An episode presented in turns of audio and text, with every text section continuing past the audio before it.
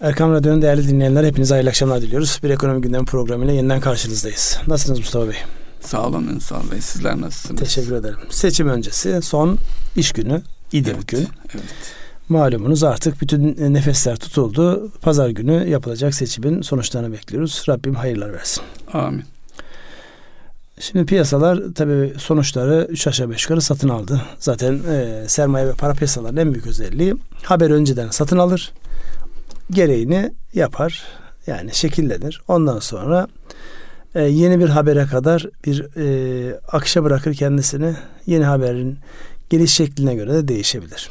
Şimdi seçimle alakalı bütün haber süreçleri sizce satın alındı mı? Sermaye piyasaları, para piyasaları, bankacılık sistemi, kredi piyasası hepsinin şöyle bir genel bir ufuk turu yapalım lütfen. Ee, kısmen alındı. Kısmen alındı derken e, özellikle mevcut iktidarın devamı ön planda net olarak görünüyor. E, ekibin nasıl kurulacağına ilişkin yeni ekibin o noktada bir beklenti ve e, kimler olacağını görmek istiyor diyebiliriz piyasalar. Şu ana kadar onunla alakalı yani herhangi bir ima ya da işaret olmadı. Evet. Yani öbür e, muhalefette bu anlamda işte e, değişik partilerden insanlar bir araya geldiler. Farklı yaklaşımlar da oldu. Hatta IMF ile anlaştıklarına dair haberler bile o geldi. Net yani. Dolayısıyla e, oradan buraya baktığında iktidarın bu anlamda herhangi bir şey söylemiyor olması kendinden emin olduğu mu yoksa zaten e, mevcut politikaların devam edeceği kesin. Dolayısıyla yani önemli olan seçimin sonuçlanmış olması sonrası nasıl olsa bir şekilde şekillenir mi dedi. Onu nasıl yorumluyorsunuz siz? Evet seçimden sonra mutlaka e, özellikle piyasalarda dövize e, bağlı olarak sıkışmışlık var. Yani ihracatçı firmaların döviz ihtiyaçları var. E, dolayısıyla bankacılık sisteminin döviz ihtiyaçlarını karşılamada sıkıntıları var. Dolayısıyla e, kaynak sıkıntısı hakeza var. Özellikle dövize endeksli kaynak. Bu sorunlar e, yeni e, hükümetin açıklanmasıyla birlikte şunu kesin olarak biliyoruz. Belki birkaç bakan devam edebilir ama özellikle ekonomi tarafındaki kadroların e, bakanların değişeceğini dolayısıyla yeni gelen bakanlar kim olacaksa o çok belirleyici ve e, orada da bir takım e, önemli yerlerin yerlerin başındaki isimler değişebilir. Dolayısıyla onların ismi, duruşları ve e, özellikle Cumhurbaşkanımızın onlara vereceği destek belirleyici olacaktır. Evet. Yani sizin e, peki kulağınıza gelen herhangi bir isim var mı ya da gelirse nasıl yansın? Mesela eski bakanların isimleri geçiyor. İşte Lütfü Elvan'ın ismi geçiyor, Cevdet Yılmaz'ın ismi geçiyor. Ziraat Bankası Genel Müdürlüğü'nü yapmış Hüseyin Aydın ismi geçiyor. Şimdi teker teker baktığımızda özellikle e, Lütfü Elvan ve Cevdet Yılmaz ikilisine baktığımızda bunlar işte DPT kökenli yani klasik ekolün temsilcileri olarak e, hani ortodoks mu heterodoks mu tartışmasında yani bilgi birikimi ve şu ana kadarki deneyimleri devlet planlama deneyimini de eklediğimizde daha çok e, bilinen klasik ortodoks politikalar yönünde. Hatta ben işte Naci e, Ağbal'ın e, tekrar e, gündeme gelebileceğini Mehmet Şimşek mevzu o kadar şey değil. Yani güncel gibi durmuyor. Çünkü yani defaatle gündeme gelmiş olmasına rağmen ben destek veririm ama işte sağlık problemlerim var. O var bu var şeklinde bir e, yaklaşımla şu an çok yakın durmuyor gibi. Sürpriz bir isim olabilir mi? Ee, olabilir ancak Mehmet Şimşek'in şöyle bir rolü olur. İçerideki değişimi e, özellikle e, küresel ölçekte anlatmakta e, oldukça etkili olur.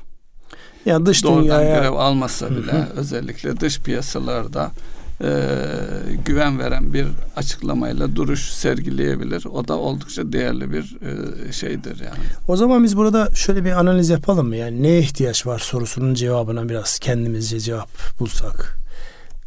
Fikirler geliştirsek. Yani şu an piyasanın en büyük ihtiyacı nedir sorusunun cevabı herhalde güven diyeceğiz değil mi? Evet. Yani e, güveni tesis etme halinde bu güven nasıl bir güven? Piyasalara e, söylediği sözle, icraatıyla, yaklaşım tarzıyla bir güven tazelenme ihtiyaç var. Bu sadece e, bakanlık e, boyutunda değil, belki bütün bürokratlar boyutunda olacaktır. Bu nasıl olur? Yani bu sorunun cevabı çünkü e, muhtelif yerlerde yazılarda okuyoruz. 2004-2005'teki yapılanlar ya da o dönemdeki duruşun işte yarısı çeyreği onda biri olsa ülke uçar e, evet. yorumu var. Yani evet. onu yapan netice itibariyle e, bu kadrolardı. Yani bu veya buna yakın kadrolardı.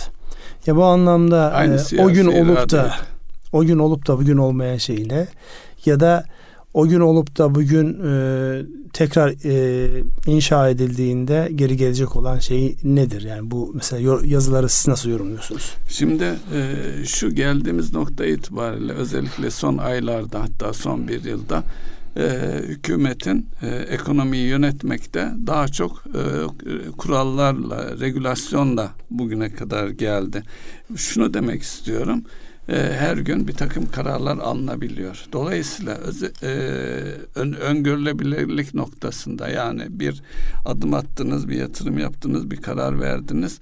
O verdiğiniz kararın alınan bir e, şeyle, bir yönetmelikle, bir tebliğle onu örseleyecek sonuçlar çıkabiliyor. Onun için alınacak kararları öngörülebilir hale getirmek ve e, son zamanlarda özellikle bankacı olduğumuz için rahatlıkla söyleyebiliriz. E, çok fazla kural değişikliği oldu ve bunların sadeleşmesi, herkesin anlayabilir hale getirilmesi önem arz ediyor. Yani yapılacak şeyler aslında çok da büyük şeyler değil. Dediğiniz gibi güven verip arkasında durup e, ekibin başı e, ekonomi yönetecek ekibinde e, imajı, prestiji e, önemli. Ondan sonra hızlıca adım atılabilir. Çünkü bakıldığında e, bir iktidar var ve e, tek başına meclisteki karşılığı da her türlü kanunu, yasayı çıkartabilecek bir e, irade var, bir güç var. Dolayısıyla bu e, sadece ekonomi de değil, her alanda çok rahatlıkla e, ülkenin önünü açabilecek bir e, şeyde yani kıvamda diyebiliriz. Şimdi burada e, tam söylediğiniz noktada zaten piyasada en çok eleştirilen hususlardan bir tanesi e, bu düzenlemelerle alakalı yol. Yani insanlar e, şunu diyor işte kredi kartları ile alakalı en basitinden hareket ettiğimizde kredi kartları ile alakalı özellikle şirket kartlarına taksidi kaldırıyorsunuz. Tepkiler gelince değiştiriyorsunuz. Yani bu şekildeki düzenlemelerdeki değişikliklerde e, şu eleştiri geliyor. Yani e, o karar alınırken etki analizi yapılmıyor mu? Nereler etkileyeceği ya da piyasayı nasıl etkileyeceği yeterince detaylı düşünülmüyor mu şeklinde e, eleştiriler var. Ama öbür taraftan da karar alıcılara da bakıyorsunuz. Yani e, bir anlamda bir tarafı düzeltirken öbür tarafta bir aşırılık varsa ki piyasa bunu çok sever yani. Bir yerde boşluk gördüğünde anında değerlendirir onu. Dolayısıyla yani bir tarafı düzeltirken öbür tarafı e, e, işine gelmeyecek kararların ortaya çıkması ki son günlerde hangi iş adamıyla ya da işte e, küçük işletmelerle görüştüğümüzde en büyük e, dikkat çekilen yer bu şirket kartlarına taksitlerle alakalı alınan kararlar. Çünkü e, bankacılık sisteminin yani başından itibaren bugünün meselesi değil ama başından itibaren şöyle bir sıkıntımız var. Bizdeki e, çek e, uygulaması dünyanın başka hiçbir yerinde olmayan bir anlamda kredi kullandırma, kredi verme ya da para basma anlamına gelen bir uygulama var. Halbuki Batı uygulamasında hesabınızda para varsa çeki kesiyorsunuz gitsin oradan tahsil etsin diye. Orada ıskalanmış bir e, şey yapıyı, piyasanın birbirine açmış olduğu krediyi bankacılık sistemi doğrudan borçlanma sistemiyle, kredi kartlarıyla bir şekilde kart, ticari kartlar ticari kartlarla bir şekilde disiplin etmeye başlamıştı. Yani orası gayet böyle e, büyük hacimlere ulaştığı bir dönemde birden aniden e, alınan bu karar taksidin yapılmıyor olması e, ister istemez şunu yapıyor. Tamam onu alabilirsiniz taksit yok. 10 ayda alacağınız 5 ayda alacağınız şeyi tek celsede ödeyeceksiniz. Bu da işletme sermesi ihtiyacını inanılmaz arttıracak bir unsur.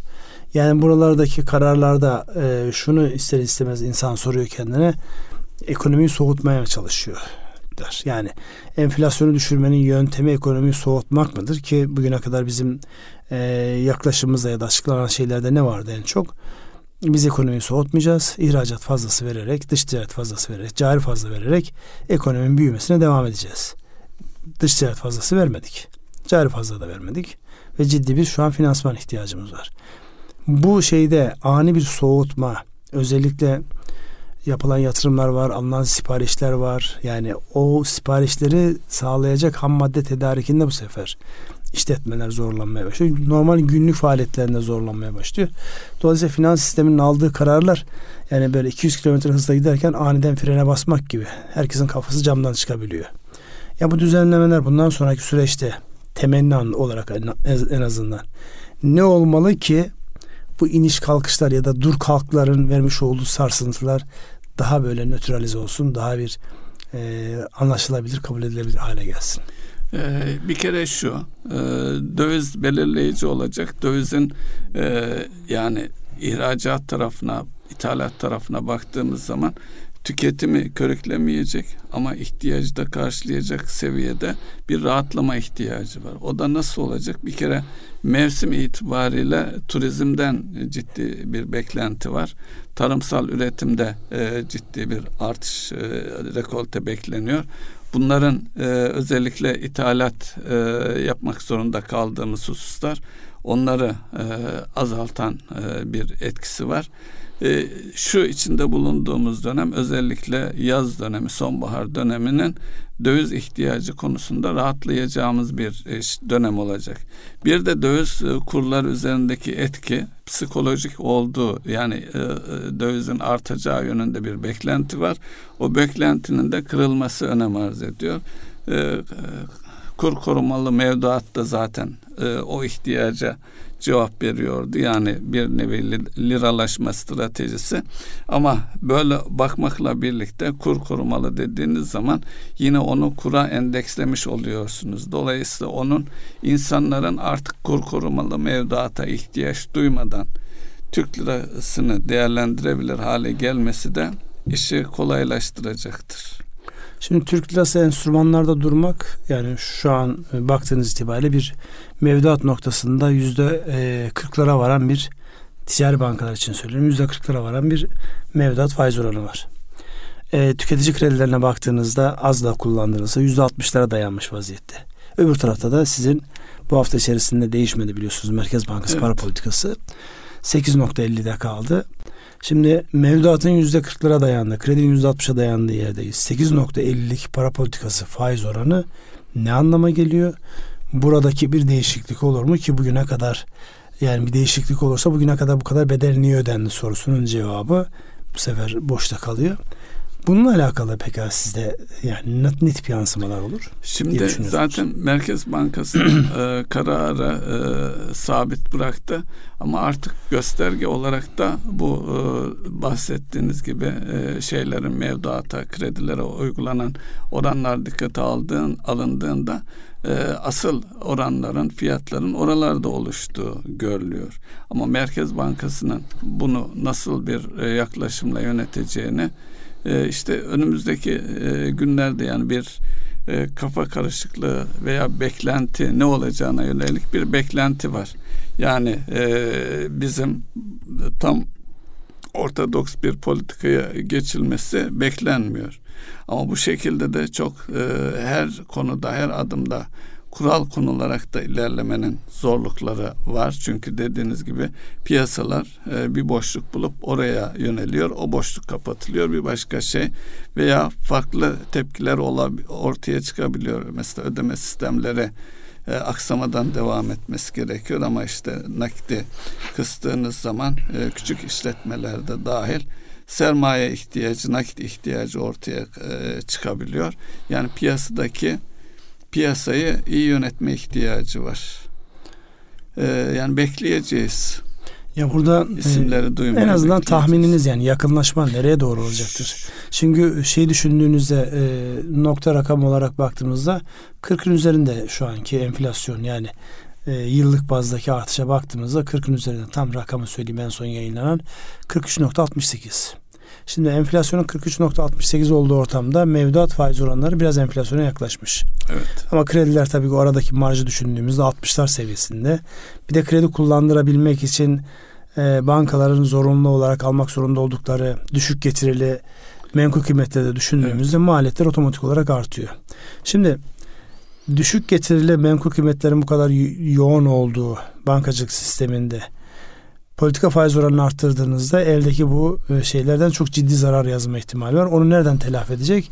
O dönemdeki serbest uygulanan kredi e, faizlerine eklenecek bu. Yani dolayısıyla bankacılık sistemi tam kelimenin anlamıyla bileşik kaplar. Yani bir yerde e, biraz yüklendiniz o başka bir yerden acısı çıkıyor. Yani buradan frenlemiş olduğunuz bir şeyin e, netice itibariyle ticari işletme bunlar bir yerden karşılığını alacak. Dolayısıyla e, yani politika faiz oranı yükseldiğinde yükseltirse yeni dönemde hükümet e, eldeki e, hazine bonosu devlet tahvilinden dolayı zarar edileceği için bunun acısını kredilerin e, oranı yükselecek. E, krediler yüksek olduğunda yatırım yapamıyor insanlar. İşletme sermayesi ihtiyacı her geçen gün enflasyondan dolayı artıyor. Yani şu şeylerde bile kredi kart limitlerinde biliyorsunuz artık yetmiyor insanlara kredi evet, kart yetmiyor. limitleri.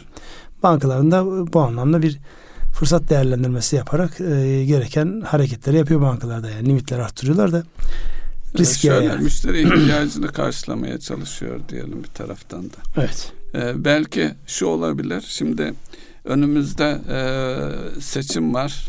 Ancak 10 ay sonra mali idarelerle ilgili bir seçim var. Dolayısıyla e, yani e, o da kritik bir seçim. Onun için e, büyük şehirlerin iktidar tarafından tekrar geri alınması gibi bir hedef e, olacaktır mutlaka. Dolayısıyla e, çok sıkı enflasyonu zapturapt altına alacak bir politikanın izlenmesini hiç kimse beklemiyor. Ve e, özellikle deprem bölgesinde yapılacak yatırım ihtiyaçları var. O da zorunlu olarak genişlemeyi gerektiriyor. Yani sadece orada konut yapılmayacak. Yine iş dünyası, fabrikalar, atölyeler, e, küçük, orta, büyük boy işletmelerin hepsine yatırım ihtiyacı var. Veya yeniden e, iyileştirme ihtiyaçları var. Dolayısıyla genişlemeci politikalar devam edecek. Ancak daha önce olduğu gibi e, Merkez Bankası faizlerinde bir çeşitlendirmeye gidilebilir mi? Yani daha önce yaşanmıştı biliyorsunuz. E, şu koridor uygulamasından bahsediyorsunuz evet. değil mi? Yani gidilecektir. Çünkü daha önceden tecrübe ettiğiniz kısmen de ya kısmen değil uygulandığı dönemde başarılı evet, da olan bir başarılı. dönemdi. Dolayısıyla e, daha önceden uyguladığınız ve kısmen başarılı olmuş olduğunuz bir uygulamayı eğer şartlar gerektiriyorsa tekrar insanların önüne korsunuz. Buradaki özellikle enflasyonla alakalı olan beklenti yani özellikle dövizdeki artışın sebebi işte e, kur korumalı mevduata insanların yönelmesi. Çünkü dövizdeki beklentiden dolayı insanlar kur korumalı mevduata yönleniyor. Bir taraftan da kamu otoritesi yönlendiriyor. İki tarafta çalışan bir mekanizma var orada. Sebebi ne? Paramız e, enflasyon karşısında Erimez. eriyor. Yani mala bağlamayıp da TL olarak kalan insanlar paralarının gün günden e, eridiğini görüyorlar. Dolayısıyla bunu telafi edecek olan yer neresidir? Eğer siz e, insanlara finansal anlamda bir getiri sağlayamıyorsanız bütün ümit ne oluyor? Her an patlama ihtimali olan, hızlı bir artış gösterme ihtimali olan dövize doğru insanlar yöneliyor. O yaklaşım tarzı biraz insanları döviz tarafında e, meraklı hale getirdi. İşler mi mekanizma? işleyebilir. Yani o konuda işleyebileceğini de geçmişte gördük. Yani şu anda e, o taraf e, şey yapabilir. Dolayısıyla onu kıracak adımların atılması gerekiyor. Yani insanların dövize yönelmeyeceği, Türk lirasında kalmakla iyi ettiğim diyebileceği bir döneme girmek gerekiyor. O dönemde enflasyonun geriye çekileceği, ve Türk lirası yatırım araçlarının da daha güven telkin edeceği. Neyle mümkün bu? Ee, şu an rezervde sınırdayız, eksideyiz. Hatta eksiye döndü. Ee, yani nette de eksiye döndü. Swaplar e, şey yapmaksızın dahil evet. ettiğimizde de. Dolayısıyla bunu tekrar rezerve artıracak. Merkez Bankası Merkez Bankası rezervlerinden bahsediyorum. Rezerve artıracak adımların atılması, orada mesafenin kat edilmesi gerekir ki düşündüğümüz anlamda yürünsün. Peki CDS'leri nasıl değerlendirirsiniz? Bizi ne bekliyor orada? Yani CDS'lere bakınca işte 500'lere geliyor. Sonra tekrar 700'lere üzerine çıkıyor. Yani dışarısı içerideki gelişmeleri fevkalade yakından takip ediyor. Sonuçlar itibariyle baktığımda ben öyle tahmin ediyorum ki yani Türkiye dünyada hiçbir finansal oyuncunun göz ardı edebileceği bir ülke değil. Yani 5 e, yıllık bir e, netleşmiş iktidar dönemi e, pazar akşamı netleşecek inşallah. Bugüne kadar ötelenmiş, geriye çekilmiş. Politik gerekçeleri olmayan sadece e, uygulanan kur politikasından dolayı ben kaçtan bozduracağım, çıkmak istediğimde kaçtan alacağım noktasında endişenin ortadan kalktığı bir ortamda bence yabancı yatırımcılar e, fevkalade verimli olan bu piyasaya gelip e, ürünlerini alacaklar. Ee, Yatırım yapacaklar. Evet, buraya. son yıllarda yabancılar Türkiye piyasasından para kazanamadılar. Dolayısıyla girmek için bekliyorlar. Bu dediğiniz konunun gerçekleşmesi için swap piyasalarında biraz açmaları gerekir herhalde. E tabii yani swap ee, piyasalarını bilenler biliyordur da bilmeyenler için şöyle söyleyelim. Yani diyelim Türkiye'ye geldiniz, dövizinizi bozdunuz, Türk lirası bir ürün aldınız. Yani hazine bonosu hisse aldınız. Çıkmak istediğiniz zamanda kaçtan dövizinizi geri alacağınızla alakalı işte bu e, finans mühendisinin geliştirdiği ürünlerden bir tanesi de swap piyasaları. Kendinizi çıkacağınız zamana göre ya da her sürekli olarak e, garanti altına alıyorsunuz. Çıkacağınız kuru bir anlamda bilerek hareket ediyorsunuz. Bu anlamda Türkiye'nin swap piyasası daraldığı için yani yurt dışı limitler bu anlamda daraldı. Türkiye buna müsaade etmediği için o piyasa yok. Yani kimse kendini e, bir anlamda sigorta ettiremiyor sigorta ettiremediği için de o risk alıp girmiyor. Muhtemelen orada da yani yeni oluşacak yönetim oralarda da bazı gelişmelerin olmasına katkı sağlayacaktır. Şimdi bir geri adım atılsa bu kadar bedel niye ödendi deniyor.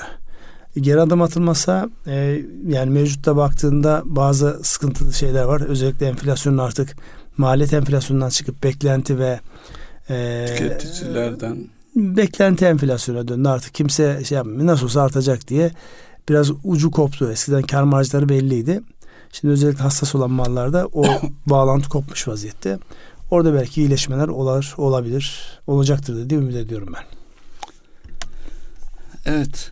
Ee, seçim konusunda e, hiç konuşmadık. Ee, seçim, Sadece seçimi konuşuyoruz. Başka bir şey konuşmadık. Seçimin ki. ekonomi e, sonrasını konuştuk biraz.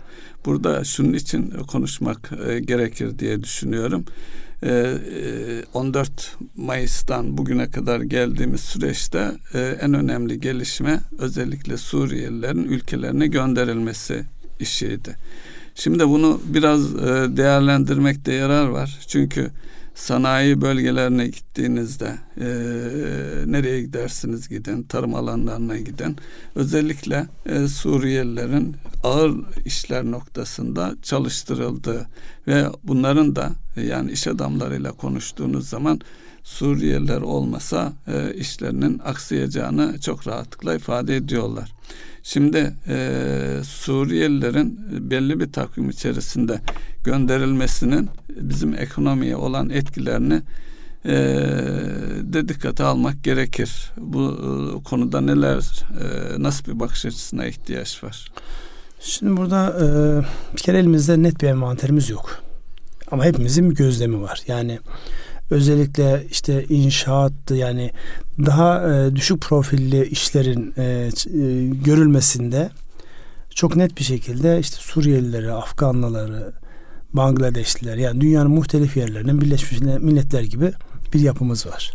Şimdi bu şeyden bağımsız yani e, göçten bağımsız olarak bizim ihtiyaç duyduğumuz düşük profilli işler için artık insanımız oraya meyletmiyor. Çalışmıyor. Çalışmıyor. Yani onu bir yük olarak görüyor.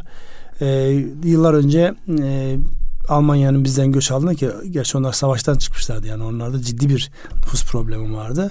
Bizde bir taraftan yaşlanan bir taraftan işi beğenmediği için gönüllü olarak, bilinçli olarak işsiz kalan insanlar varken o işlerin bir şekilde görülmesi gerekiyor. Dolayısıyla sizin bu şekilde bu insanlara ihtiyacınız var. Hangi yolla gelmeli sorusunu yani düzensiz göçmenlerle mi yapılmalı yoksa belli bir e, program çerçevesinde güvenlik önlemlerini de alarak çünkü gelecek olan insanları kontrol ettiğiniz bir yapı ayrı sonuçlar doğurur. Kontrol etmediğiniz yapı ayrı sonuçlar doğurur. Dolayısıyla sizin seçiminiz de olur. Yani bunu yapan ülkeler var işte yılda 800 bin tane şey alacağım ben. Yani göçmen alacağım. Göçmen alacağım. Bunun işte 200 bin tanesi beyaz yakalı işlere meyilli olarak olacak. 200 bin tanesi işte o yaş ortalaması, yaşlanan nüfusun yaş ortalamasını aşağı çekecek şekilde şu yaşlarda olacak gibi değerlendirmeler yapılabilir. Biz biraz bu anlamda bulunduğumuz coğrafya ona çok müsait değil. Yani altta Suriye patlıyor, mecburen 3-5 milyon insan geliyor. Daha önceden Irak vardı, İran zaten açmış vaziyette Afganistan'dan millet yürüye yürüye İran'ı geçip Türkiye'ye geliyorlar yani. Bu kadar e, teşvik mi nasıl yapılıyorsa bunların hepsi konuşulacak bir şey. Ama bir realite var. Şu an ekonomimizin içerisinde ister hizmet sektörü olsun ister sanayi olsun çok ciddi inşaat, tarım, inşaat, tarım hepsinin içerisinde çok ciddi bir yabancı e, göç olarak da gelmiş olsa yani resmi yollarla da gelmiş olsa bu insanlar istihdam ediliyor. Ve bunun envanteri kimsenin elinde yok. Öyle firmalara gidiyorsunuz ki işte 100 kişi çalışıyor 20 tanesi e, göçmen ya evet. da işte e, bu, bu yollarla gelmiş olan bu, insanlar. Yüzde yirmi ben de e, görüyorum firmalarda yüzde yirmi oranında bir Suriyeli e, ve yabancı çalışan var. İnşaatlarda daha fazladır. Bir bakış, e, farklı bakış açısı da şu. Şimdi e, finans sektöründen yakinen tanıdığımız insanlar var. Siz de hak vereceksiniz. Özellikle e, bebek sahibi olacak kadınlar, profesyonel yöneticilerde net olarak gördüğümüz e, çocuğunun Amerikan vatandaşı olması için Amerika'ya gidip doğum orada yapıyorlardı. Bu yaygınlık arz eden hatta bu e, duyulduğunda da stajla karşılaşan e, karşılanan ne kadar iyi etmişsiniz bakış açısıyla. Şimdi dönüp kendimize baktığımız zaman ben e, Karadeniz şivesiyle konuşan Suriyeli çocuk biliyorum. Şimdi bu çocuk Suriyeli mi Karadenizli mi?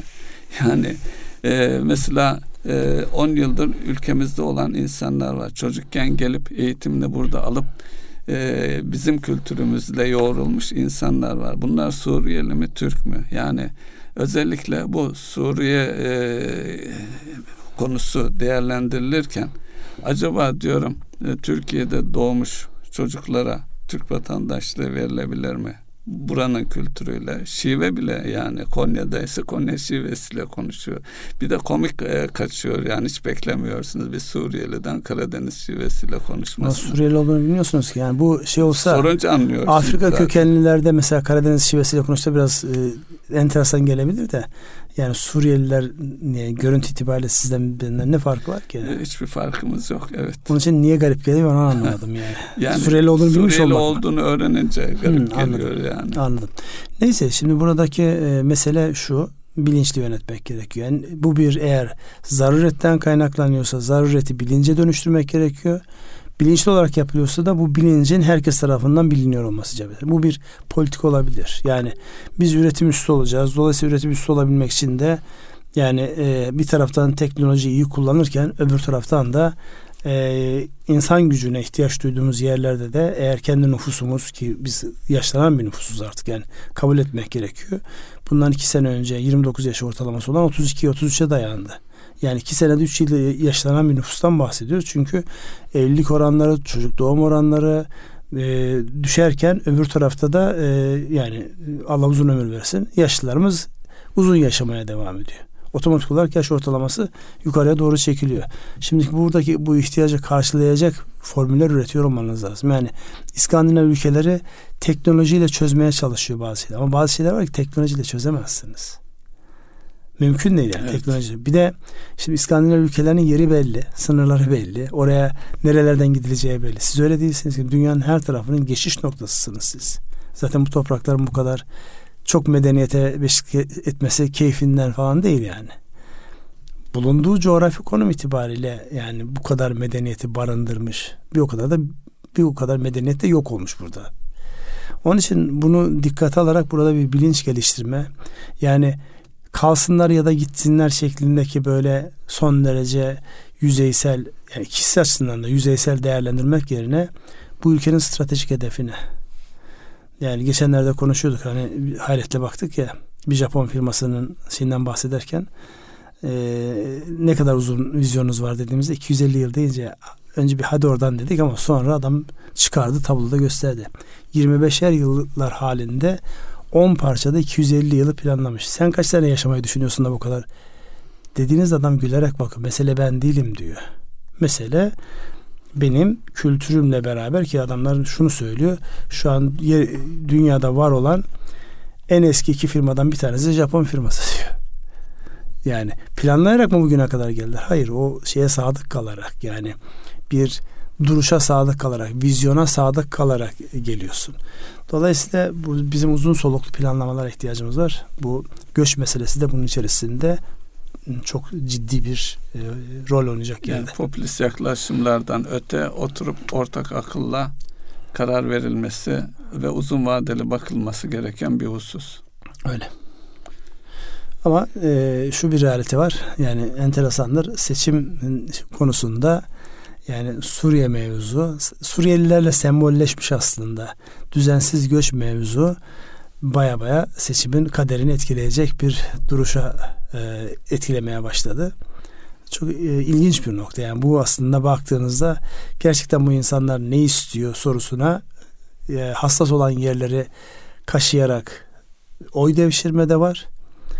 E, haklı olunabilecek belki şeyler de söyleniyor olabilir ama diyorum ya bu şeyde toz bulut içerisinde e, doğru olan şeyler de arada kaybolup gidiyor. Çünkü sürekli herkese bizim en büyük sıkıntılarımızdan bir tanesi sürekli bir safını belli et cümlesi kuruluyor ya tamam safımızı belli ettik de yani durduğun safta böyle çok e, anlayamadın, derinleşemedin e, bazı hususlar var. Onların da açıklığa kavuşturması gerekir belki. Buyurunuz. E, biraz dışarıya bakalım mı? Bakalım. Özellikle e, petrol fiyatlarıyla ilgili. E, petrolde bir zayıflama e, vardı fiyatlarda. E, bu lehimize bir durum olduğunu biliyoruz zaten. E, Arabistan'ın bir açıklaması olmuştu. Petrol fiyatlarının e, yukarı çıkar çıkması yönünde ama Rusya'dan ikinci bir açıklama geldi. Onlar da petrol üretiminde indirim beklemeyin diye dolayısıyla tekrar yönünü aşağı doğru çevirdi. Yani bu ee, aslında geçen hafta konuştuğumuz seviyelerde yani 70-80 bandında bir yukarı bir aşağı geliyor. Brent yani artış olmayacağı konusunda bir öngörü ya, söylenebilir belki. Şimdi tabii e, bir taraftan özellikle e, enerji kaynaklarına baktığımızda e, sokaklarda gördüğümüz elektrikli araç sayısı artıyor. Buna paralel olarak da özellikle güneş enerjisi yani rüzgar enerjisi için daha bir e, özel yerler gerekiyor ama güneş enerjisinden e, elde edilecek olan elektriğin onu kullanımı ile alakalı giderek yaygınlaşan hatta bazı yerlerde abartılan bir husus var ama dünya bu tarafa doğru evriliyor. Dolayısıyla yani petrol fiyatlarının çok ani e, sıkıntılar olmazsa işte dünyada çok etkili işte kasırgalar, yağmurlar, fırtınalar bilmem ne olmazsa alternatif e, alanların geliştiğini görüyoruz. Dolayısıyla petrol fiyatlarının bundan sonraki süreçte yani aynı cazibeyle yükselir mi sorusunun şeyine baktığımızda yani uluslararası bakanlar da çok yükseleceğini düşünmüyorlar. Fakat öbür taraftan da şöyle bir e, husus var. Bizde petrolü yeni yeni bulmaya başladık. Bizim açımızdan da böyle bir handikap var ve çıkarma maliyetleri nispeten bizimkiler işte bir Suudi Arabistan kolaylığında çıkarmıyoruz. Bir Rusya kolaylığında çıkarmıyoruz yani onu da bilmek lazım. Ama şimdi bu seviyelerde kalması belki şu an değil ama ileride isteyeceğimiz bir şey olabilir. Çıktıktan sonra bakalım bence. şimdi düşük kalmasında e, yarar var.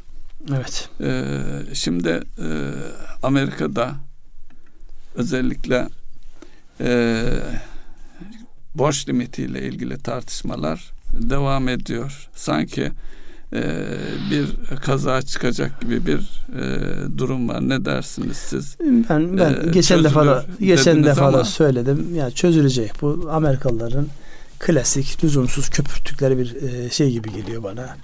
Her her dönemde e, bir şekilde bununla alakalı bir sıkıntı yaşanıyor. Dolayısıyla bu sıkıntının e, yani ben aşılacağını düşünüyorum. E, ne kadar zorlanırsa, ne kadar uzatılırsa piyasalar bundan nemalanıyor açıkçası. Hareketlikten dolayı nemalanıyor.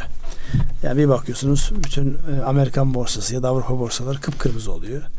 Ertesi gün bir haber geliyor. Ondan sonra bir yeşile dönüyor. E, tam sevdikleri hava yani kurt dumanlı havayı sever kabilinden oyuncular hareketin olduğu yerde, haberin çokça aktığı yerde e, adamların şeyi yok, dünyanın öbür ucundalar. Yani e, kimseyle savaşma riskleri yok. Kimsenin onlara gelip düzensiz göçmen olarak geç Meksika'dan geliyorlar ama ama ülkenin tamamını etkileyecek bir pozisyonları yok. E dolayısıyla onlar da kendilerine böyle borç limitinin arttırılması, eksiltilmesi ya da işte e, muhtelif işte e, seçimlerde yaşlı olan başkanın e, devam edip etmemesiyle alakalı açıklamalarla bir anlamda kendine yol bulmaya çalışıyor diye biraz e, mizahi bir şekilde kendimce izah edeyim ama ben orada bir sıkıntı olacağını düşünmüyorum açıkçası. Ee, yine Amerika'dan bir e, enteresan haber var. Ee, çip üreticisi bir firmanın değeri bir trilyon dolara yaklaşmış. Özellikle yapay zeka eksenli e, ChatGPT benzeri e, işlerin yoğun olarak e, çip gerektirdiği dolayısıyla gelecekte de bundan artacağı dolayısıyla çip ihtiyacında artacağı yönünde öngörüler var. Ya çip ihtiyacından bahsederken birçok yani birçok mesleğin bir ürün haline gelmiş durumda. Zaten stratejik bir üründü. İşte şey, Covid döneminde de şu otomotiv fiyatlarının evet. bu kadar artmasında falan da onun etkisi var ama aslında burada başka bir şey var. Birçok meslek yok oluyor şu an. Birçok mesleğin tarifi işte bu teknolojinin bu yapay zekanın gelişmesiyle beraber şekil değiştiriyor. Yani bizim aslında oturup stratejik anlamda bunlara kafa yormamız gerekiyor. Yani tabii ki mutlak anlamda makineler, makinalarla konuş, konuştuğu zaman ya da kendi kendine program yazmaya başladığı zaman ihtiyacını kendisinin belirleyip ona göre e, tasarımlar ve yazılımlar yaptığı zaman bu bir tehlike gibi gözüküyor. İnsan unsuru her zaman işin içerisinde olacak. Fakat mesleki anlamda baktığımızda henüz karanlık e, karanlık e, fabrikalara geçmediğimiz sürece yani karanlık fabrikadan şey şu insanın çalışmadı. Sadece robotların çalıştığı fabrikalara geçmediğim sürece e, insan unsuru söz konusu olacak ama giderek yaygınlaşıyor. Öbür taraftan da tabii ki e, şu var. E, yani yapay zekada ya da bu çip teknolojisinde geri kaldığınızda fark inanılmaz açılacak. Bizim de o tür yatırımlara ihtiyacımız var zaten. Ee, ihracatımızda yüksek teknolojinin e, düşük olması bizim e, e, dışarıya bağımlılığımızı artıran ve cari açığında sebeplerinden bir tanesi olarak ifade ediliyor zaten. peki Avrupa piyasasında da Almanya resesyona mı giriyor diye bir endişe var. Büyümesinin üst üste yatay seviyede kalması nedeniyle. Şimdi Avrupa'nın da Amerika'nın da yani şu an resesyon sinyalleri verdiği artık çok net bir şekilde görülüyor. Siz onu söylerken ben Almanya'ya bakıyorum. Mesela 3 yani çeyrek dönemler binde itibariyle üç daralma var galiba. Binde 3 bir öncekine bakmaya çalışıyorum. Şu an internet biraz zayıf olduğu için tam bağlanamadım açıkçası. Ama son dönemde yani 0.30'luk bir eksi var. Enteresandır mesela Avrupa'da başka bir ülkede böyle bir gerileme yok. Yani çeyrek dönem itibariyle baktığımızda e, ilk 15 ülke içerisinde Brezilya, Rusya eksi demiş, bir de Almanya eksi demiş. Onun haricinde hepsinde büyüme şeyi var. Yani Avrupa'nın geneline baktığımızda da yani Eurozone dediğimiz bölge 0.10'luk bir büyüme kaydederken Almanya'nın 0.30'luk küçülüyor olması ki Alman ekonomisi en biliyorsunuz. Ekonomi. Hem en büyük ekonomi hem de kendi iç dinamiklerinde dünyanın belli konulardaki ihtiyacını karşılayan e, ülkelerden bir tanesi. Özellikle makina ve e, yatırım malları konusunda Almanya'nın çok ağırlığı var. Fakat görüyoruz ki o dünyaya işte otomotivi satan Almanların bile özellikle muhtelif yerlerden gelen rakiplerle beraber o kadar rahat olmadıkları gün gibi ortada. Yani Çin'deki elektrikli araç e, firmaları Amerika'daki zaten bir tane örneği var. Adam üretim yapmıyor ama değeri trilyon dolara dayanıyor. Dolayısıyla e, bu anlamda baktığımızda yani ezberler bozulacak. Herkesin ezberi bozulacak. Dolayısıyla bu ezber bozulma biz alışık olduğumuz için e, böyle inişlere çıkışlara bizim adapte olmamız nispeten daha kolay. Çok üst seviyede yani genele yayılmış bir teknolojimiz olmadığı için adaptasyonumuz daha kolay. Fakat Almanya gibi daha böyle sistematik çalışmaya alışık olan ülkelerin bu tip yap şeyleri yönetmeleri nispeten daha zor. Psikolojisini daha derinden istiyor diyorlar. Şimdi e, borçların yeniden yapılandırılmasıyla ilgili bir yasa vardı. Bu ay e, sonunda e, bitiyordu ve yeniden yapılandırmayla ilgili bir ay daha uzatıldı. Dolayısıyla Haziran e, sonuna kadar yapılması gereken ilk e, taksit ödemesi e, 31 Temmuz'a otomatikman ertelenmiş oldu. Bunun ekonomi üzerinde ee, özellikle e, nakde ulaşmakta şirketlerin, firmaların finansal sıkıntıları düşünüldüğünde olumlu bir karar gibi duruyor. Siz ne dersiniz? Evet yani şu an iyice kaynağa ulaşmanın zorlaştığı, olumsuzlaştığı bir ortamda böyle bir kararın alması, alınması isabet olmuş. İşte dediğim gibi yani seçimden sonra oluşturulacak hükümet ve onların yaklaşım tarzı, piyasanın kaynağa ulaşmadaki kolaylıkları ya da zorlukları birçok şeyi netleştirecek. Yani Temmuz çok uzun bir vade değil. Göz açıp kapayıncaya kadar pat diye geliyor. Gelir diyorsunuz. Yani özellikle de böyle e, ödemeniz varsa, borcunuz varsa ne hikmetse süreler çok hızlı geçiyor. Alacağınız varsa o bir türlü gelmiyor da borcunuz varsa çok hızlı geliyor. Onun için e, yani borcu olanların ve de bu anlamda nakde ulaşması gerekenlerin Allah yardımcısı olsun. Yani kolay bir süreç değil bu süreç. Ünsal Bey, e, müsiyat sivil toplum örgütü olarak iş adamlarının örgütü önemli bir örgüt. E, geçtiğimiz hafta sonu onların stratejist toplantısını yönettiğini e, biliyorum. Dolayısıyla bir açıklama olmadı. Sizden hem toplantıyla hem de hem de e, nelere karar verildiğine ilişkin ipuçlarını duyabilir miyiz? Yani henüz resmi olarak açıklanmadı diyemezsin. Ama şunu yani mutat olan bir şey. İki yılda bir yönetim yenilendiği için bu dönemde de yönetim e, yaklaşık yüzde 40 oranında daha genç e, yöneticilerle, iş adamlarıyla yenilendi.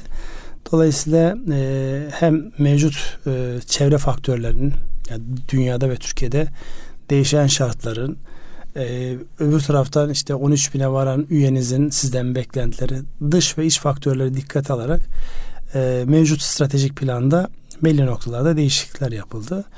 Dolayısıyla o değişikliklerin de önümüzdeki günlerde muhtemelen e, başkanın liderliğinde bir basın toplantısında paylaşılacaktır. Ama şu bir önemli e, şey stratejik çalışmalarında özellikle dünyadaki gelişmelerin öngörülebilirliği azaldıkça ya da zayıfladıkça e, stratejik planları gözden geçirme aralıkları da daralıyor. Zaten şu an gelinen noktada özellikle e, bu ölçülebilir sonuçları olan hedefler konduğunda bunların her üç ayda bir muhakkak gözden geçirilmesi bu sivil toplum kuruluşu da olsa şirket de olsa aynı şekilde işliyor. Yakından izlenmesi gerekir. Yani nasıl olsa biz hedeflerimizi gerçekleştiremedik çünkü diye başlayıp dışsal sebepleri saydığınızda hepten kopuyorsunuz e, gerçeklerden ve yönetilebilirlikten. Onun için yani bütün işletmelere, sivil toplum kuruluşları için de aynı şey geçerli. İnsanların e, değişen şartlardan nasıl etkilendiklerini çok daha yakinen izleyebilecekleri bir sistem kurmaları hasreten önerilir. Müsiyat da bu anlamda kurulu bir sistemini işletmeye devam ediyor. Her iki yılda bir e, olan e, yönetim genel kurul sonrası oluşan yönetimle beraber bir gözden geçirme toplantısı yapılıyor. Bu radikal anlamda bir strateji değişikliğinden ziyade mevcut stratejilerin gözden geçirmesi toplantısıydı. İyi verimli bir toplantıydı. Bizim açımızdan da hem yeni arkadaşlarla tanışma fırsatı oldu hem de dünyayı ve Türkiye'yi bu anlamda e, yorumlayabileceğimiz, değerlendirebileceğimiz geniş katılımlı güzel bir toplantı oldu. İnşallah sonuçları da e, önümüzdeki günlerde bir basın toplantısıyla Genel Başkanımız tarafından duyurulacaktır. En azından şimdi güven endeksleri açıklandı. Onları e, e, e, konuşalım ve buna bağlı olarak da iş adamları geleceğe nasıl bakıyorlar bu son seçimle ilgili e, aşağı yukarı netleşen bir öngörü çerçevesinde. Tüketici güven endeksi e, Mayıs itibariyle 90 e, e, pardon 87 buçuk seviyelerinden 91.1 seviyelerine yükseldi. Tüket, e, tüketici güven endeksi. En çok eleştirilen konulardan bir tanesi buydu. Yani herkes durduğu yerden baktığı için yani e, enflasyon artmaya devam ediyor. İnsanların e, gelirleri artmıyor. Bu nasıl arttı şeklinde bir eleştiri vardı. Dolayısıyla yani şu seçim atmosferinde hiçbir şey sağlıklı değerlendirilemediği için açıkçası buraların yorulmanmasına da oturup kimse ona bakmıyor. Yani nasıl olur diye kestirip atıyor. Halbuki bu netice itibariyle bir anket yani insanlara soruyorsunuz. Yani hani diyor ya doğurduğuna inanıyorsunuz da öldürene niye inanmıyorsunuz? Nasıl Şimdi aşağı gelirken inanıyorsunuz. Evet tüketici güven endeksi aşağı geldi. Yukarı giderken niye inanmıyorsun diyeceksin ama çok fazla politisi olmaya gerek yok diyorum. Bir ortadan durulmaya ihtiyaç var. İnşallah bundan sonraki süreçte daha Diğerlerini de söyleyelim isterseniz. Ee, hizmet sektörü güven endeksi e, 118.1'den 117,4'e sadece bir miktar gerileyen 0.6 seviyesinde gerileyen bu. E, parakende ticaret sektörü güven endeksi 116.2'den 116.7'ye e, yükselmiş. İnşaat güven endeksinde ciddi bir yükselme var. 88.4'ten 92.2'ye yani 4.3'lük bir puan var yükselmesinde. Dolayısıyla önümüzdeki süreçte e, inşaat sektörünün e, bu deprem konutları ve İstanbul'da özellikle e, deprem e, riski taşıyan yerlerdeki kentsel dönüşüm e, hedefleri e, düşünüldüğünde e, bu güven e, inşaat tarafında daha da parlak bir geleceğin olacağı olduğunu söyleyebiliriz herhalde. Evet yani bu anlamda dediğiniz doğru. Yani burada hani bazı şeyler var ki e, bedeli ödenmiş e, artık dönüşün olduğu bir nokta. Yani biz e, pandemi, pandemi sonrasında yaşananlar, onun öncesi ve bu süreçlerde aslında birçok noktada e, ekonomik anlamda hani e, bedelleri ödendi. Bundan sonra yapılacak, atılacak e, doğru adımlarla toparlanmanın hızlı olması mümkün. Açıkçası benim beklentim de o yönde. Bundan sonraki süreçte bazı e, olumsuzluklar telafi edildiğinde hızlıca bir dönüş olacaktır diye ümit ediyorum. Evet. Bu arada süremizin dolduğunu işaret ediyor arkadaşlar. Siz bir şey diyor musunuz? Ee, buyurun e, Bey. Ee, önemli konuları konuştuk. Evet, önemli Yine başlıkları konuştuk. Seçim, ee, olarak. Yani şu hayırlısıyla seçim inşallah e, bugün zaten piyasalar malum kapandı. Özellikle e, borsa açısından baktığımızda çarşamba günü yani seçim öncesinde son e, takasın e, yani kendini garanti etmek isteyen insanların e, satış yapacağı gün olduğu için çarşamba günü satış olmuştu. Dün nispeten bir artış olmuştu. Bugün de aynı minvalde devam etti. Dolayısıyla riskler satın alındı. Bundan sonra satın almış olan risklerin nasıl tahakkuk edeceği ile alakalı önümüzdeki günlerdeki gelişmeler görülecektir. En önemli gündem seçim. Onda ülkemize hayırlı sonuçlar doğurması konusunda dua edelim. Bir sonraki e, programda Allah ömür verirse seçim olmuş. Belki kabinelerin ilk kabinenin ilk e, şeyleri alınmış yani son nokta konmamış olabilir ama en azından listeler ve şeyler belli olacaktır. Dolayısıyla yönetecek olan kişiye göre şekillenecek bir piyasa, piyasaya oluşturacak güven açısından önemli unsurlar bunlar. Onları bekleyeceğiz. Peki. Erkam Radyo'nun değerli dinleyenleri bir ekonomi gündem programının daha sonuna geldik. Hepinize hayırlı akşamlar diliyoruz. Hayırlı akşamlar.